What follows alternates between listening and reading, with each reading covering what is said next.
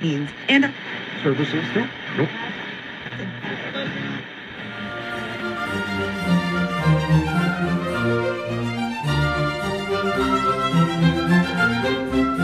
Oké, ik hoop dat iedereen nog mee is. Waar zitten we nu in ons verhaal? Eerst heb ik enkele algemene principes, algemene ismes uit de doeken gedaan die achter de Eerste Wereldoorlog liggen.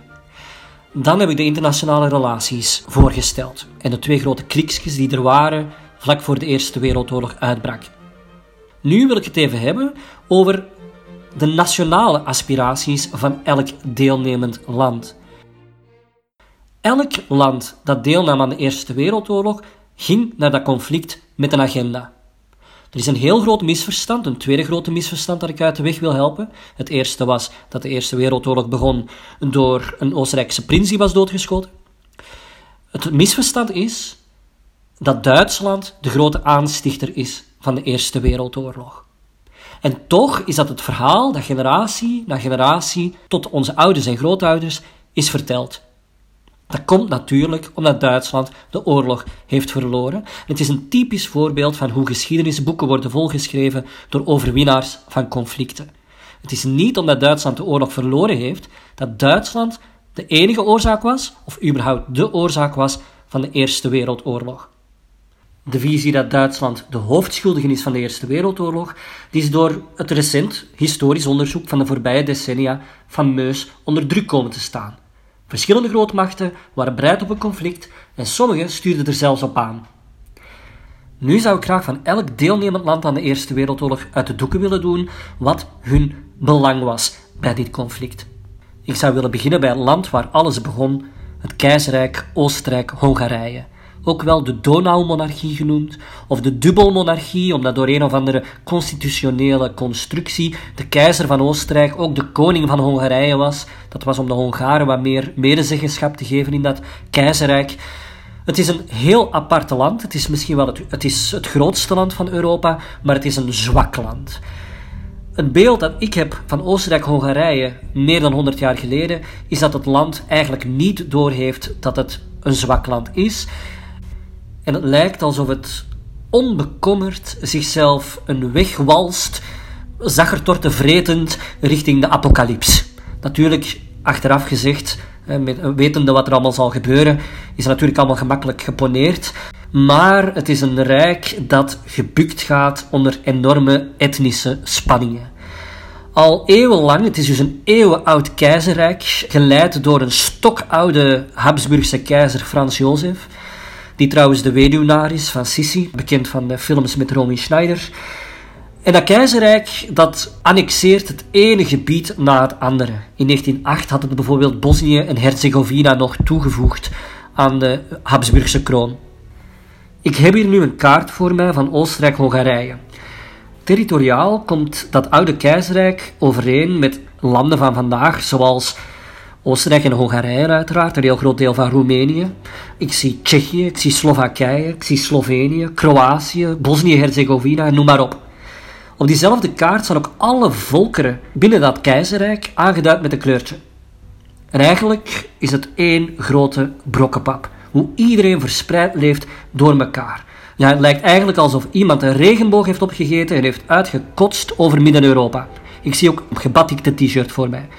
En al die volkeren met hun eigen cultuur, hun eigen passie voor geschiedenis, hun eigen literatuur, hun eigen taal, die worden door Wenen gedwongen om zich Oostenrijker te voelen. Zo ook de laatst in 1908 toegevoegde provincie Bosnië en Herzegovina, waar het allemaal zal beginnen.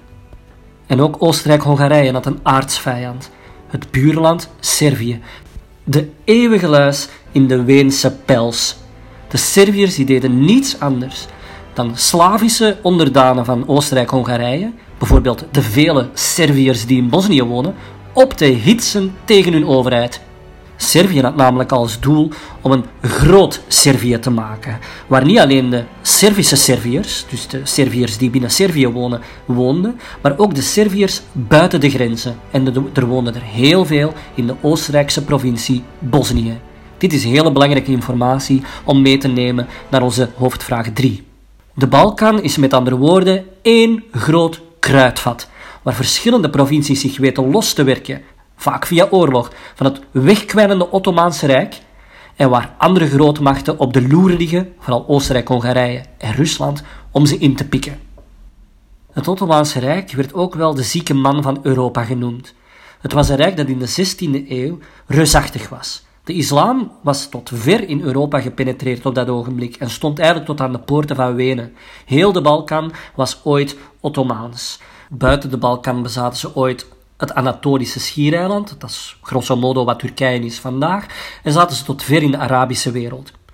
Maar het was heel duidelijk vanaf de 19e eeuw dat dat rijk eigenlijk aan het wegzakken was. Griekenland had zich in 1820 al onafhankelijk verklaard en had zijn onafhankelijkheid gewonnen. En in de vroege 20e eeuw zou dus ook Bosnië, Macedonië en Servië één voor één onafhankelijk worden van het Ottomaanse Rijk. Het Ottomaanse Rijk was met andere woorden zeer gefrustreerd. Ik beschreef net Servië als het land dat eeuwig Oostenrijkers de stokken in de wielen zat te steken. De nagel aan de doodskist van de Habsburgers. Waar haalde dat kleine, petiterige landje eigenlijk het lef vandaan om zo'n reusachtig keizerrijk te trotseren? Dat heeft alles te maken met Rusland.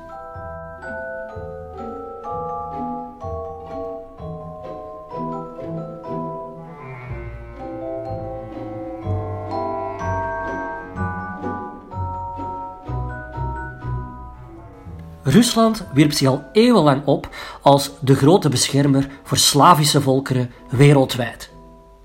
Voor de mensen die niet weten wat Slavische volkeren zijn, ik zal het even uitleggen. Uh, Slavische volkeren herkennen we eigenlijk vandaag als de volkeren die een Slavische taal spreken. Ik kan niet zeggen dat al die volkeren samen één grote cultuur hebben, maar wat panslavisme wordt genoemd is eigenlijk een soort van internationale solidariteit tussen Slavische landen. We maken een onderscheid tussen Oost-Slavische volkeren, ik denk aan de Russen, Wit-Russen en Oekraïners. Dan zijn er ook nog de West-Slavische volkeren, denk aan de Polen, de Tsjechen en de Slovaken. Dan heb je ook nog de Zuid-Slavische volkeren, die zitten vooral in de Balkan. Zuid-Slaven of Jugoslaven zijn onder meer de Slovenen, Kroaten, de Serviërs, de Montenegrijnen en de Macedoniërs. Dus Servië heeft zich als doel gesteld om een groot Zuid-Slavische land te stichten dus, en wordt daarin de hand boven het hoofd gehouden door het machtige Russische keizerrijk, het land met het grootste leger op aarde. Het feit dat het Russische Rijk zich zit te bemoeien met de politiek in de Balkan heeft niet alleen te maken met die, met die zogenoemde Slavische solidariteit, maar ook alles met het feit dat de Zwarte Zee daar ligt. De zee die het Russische Rijk en het Ottomaanse Rijk scheidt. Waarom heeft Rusland een obsessie met de Zwarte Zee? De Krim ligt daar bijvoorbeeld. En jullie weten, in 2014 heeft Rusland de Krim afgepakt van Oekraïne. Dat komt ook omdat Rusland eigenlijk geen warmwaterhaven heeft. Als je het Russische Rijk gaat bekijken, en ook het Rusland van vandaag, dan zie je dat Rusland reusachtig groot is. Maar Rusland heeft nauwelijks toegang tot ijsvrije kust. De blik van Rusland is dus geopolitiek op het zuiden gericht. En dan kom je automatisch, letterlijk en figuurlijk, in het vaarwater van het Ottomaanse Rijk. De Russische tsaar heeft op dat ogenblik ook binnenlandse katten te geeselen. Rusland is een groot rijk, het heeft het grootste leger ter wereld, maar op technologisch vlak loopt het enorm hard achter. Je mag het gerust een reus op lemenvoeten noemen. Daarboven had het Russische Rijk in het jaar 1905 een ongelooflijk vernederende nederlaag geleden tegen Japan en hadden ze enorm gezichtsverlies geleden. De Russische machthebbers hadden dringend een nieuwe, succesvolle oorlog nodig om hun imago weer op te vijzelen. Daarnaast kampte Rusland ook nog eens met binnenlandse socialistische opstanden en het keizerrijk vreesde dus opnieuw voor gezichtsverlies. Ook het Ottomaanse Rijk was gebaat bij een succesvolle oorlog, omdat het land op die manier de verloren gegaane gebieden op de Balkan kon heroveren, met Duitse en Oostenrijkse steun. In 1908 had de partij van de jonge Turken de macht overgenomen. En zij droomden van één groot Turks rijk. Ze noemden het Turan. En in dat ene grote Turkse rijk zaten ook bijvoorbeeld de Turkmenen. En die woonden in Rusland. Daarnaast vormde voor Constantinopel een oorlog uitgelezen kans om af te rekenen met binnenlandse vijanden van het regime, zonder dat er internationale pottenkijkers waren. In bijzonder viseerde Constantinopel de christenen binnen het rijk, de niet-Turkse christenen zoals de Armeniërs en de Assyriërs, die ook al heel lang een doorn in het oog van het regime waren. Kan iedereen nog volgen? Ik heb tot hiertoe een aantal landen genoemd die elk gebaat waren bij het aanvallen van een ander land, maar ze allemaal met bepaalde binnenlandse en buitenlandse frustraties kampten. Tot hiertoe heb ik nog niks gezegd over Duitsland. Toch, generatielang het land dat aangeduid is als de grote aanstoker van de Eerste Wereldoorlog. Oké, dan gaan we nu even de rol van Duitsland bekijken.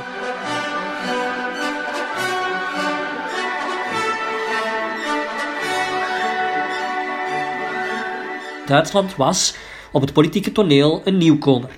Het bestaat nog maar sinds 1871. En net als zijn eigen keizer, Wilhelm II, kampt het land eigenlijk met een minderwaardigheidscomplex.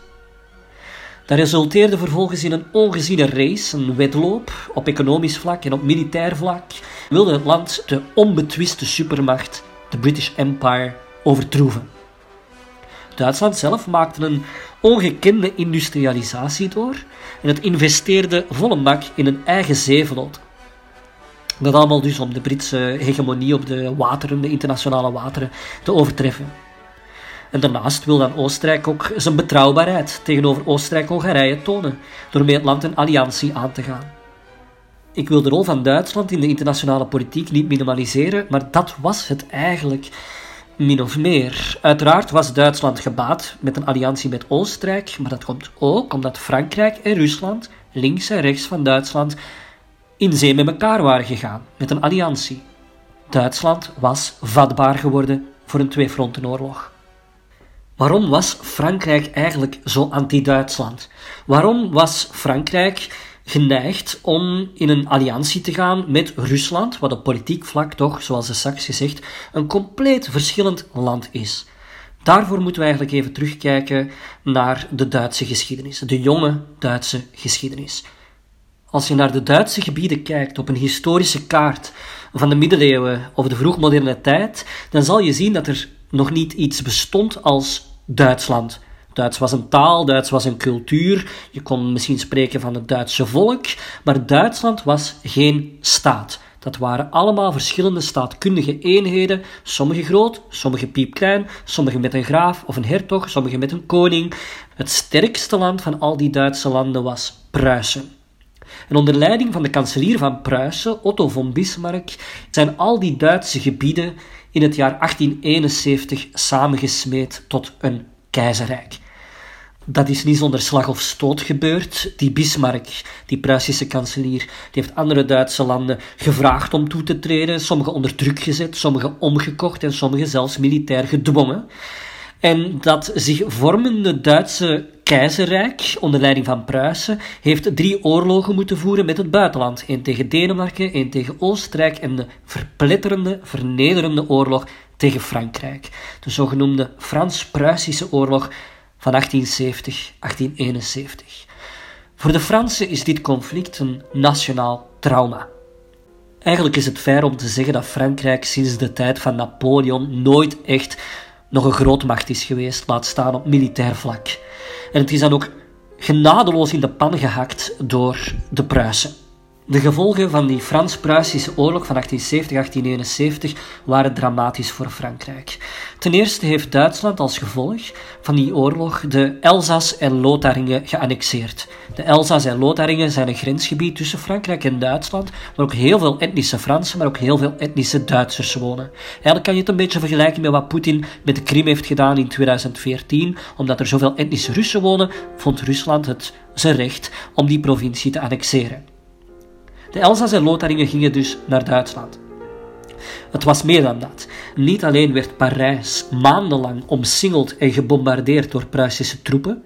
De Franse keizer, Napoleon III, het neefje van, die werd afgezet, eerst onder huisarrest geplaatst, dan afgezet. En als klap op de vuurpijl zouden de Duitsers, onder leiding van Otto von Bismarck, het Duitse keizerrijk uitroepen in de spiegelzaal van Versailles. Een bijzonder symbolische plek. Dus niet in Berlijn, maar in het beroemde kasteel van Versailles, waar ooit de machtige koning Lodewijk XIV woonde, roepen zij hun nieuwbakken keizerrijk uit. Het Tweede Rijk in de Duitse geschiedenis. Van deze oorlog heeft Frankrijk zo'n kater overgehouden dat generaties Franse kinderen een ongelooflijk anti-Duits revanchisme werd opgelepeld. Duitsland was de erfvijand. Duitsland heeft Frankrijk klein gemaakt, Duitsland heeft Frankrijk geamputeerd. En het is vanuit dit revanchisme dat Frankrijk onder meer die alliantie was aangegaan met het Russische Rijk. Met andere woorden, een conflict waarbij Frankrijk bijvoorbeeld met Russische hulp verloren gegaane gebieden, de Elzas en Lotharingen, zou kunnen terugpakken van Duitsland, was niet in alle Franse kringen een onwelkom idee. Daarnaast had Frankrijk, zoals er straks gezegd, voor de eerste keer sinds eeuwen enkele vriendschappelijke stappen gedaan in de richting van Groot-Brittannië, Engeland, die zogenoemde Entente Cordiale. Dat brengt ons bijna aan het einde van ons verhaal. Engeland, Groot-Brittannië. Welk baat had Groot-Brittannië bij een conflict? Geen. Groot-Brittannië was een eiland. Het had eigenlijk geen directe redenen om een ander land de oorlog te verklaren. Vanuit die isolationistische eilandoverwegingen dacht de Britse regering in de eerste instantie helemaal niet aan deelname aan een eventueel conflict. Het was eigenlijk pas toen Duitsland België binnenviel, het neutrale België, dat Engeland, de British Empire, zichzelf genoodzaakt zag deel te nemen aan het conflict. Wat had Engeland nu met België? Wel, toen België gesticht werd, had Engeland zichzelf, samen met Duitsland overigens, toen nog Pruisen, borg gesteld voor de neutraliteit van ons land. Een land dat zich borg stelt voor een neutraal land, verbindt zich ertoe dat als dat land wordt aangevallen, het het land uit de nood zou helpen. Ik heb 36 minuten nodig gehad om een zeer beknopte versie te geven van de ingewikkelde relaties die er in Europa waren aan de vooravond van de Eerste Wereldoorlog. Het is veel ingewikkelder dan Duitsland was een agressief, imperialistisch land dat als doel had om heel Europa onder de voet te lopen. Het mogen duidelijk zijn, Europa en ook de Balkan is een kruidvat geworden en het heeft maar één vonk nodig om de hele boel op te blazen. En die ene vonk die knetterde ergens in Oostenrijk-Hongarije, meer bepaald in de nieuw geannexeerde provincie Bosnië, meer bepaald in de hoofdstad Sarajevo op 28 juni 1914.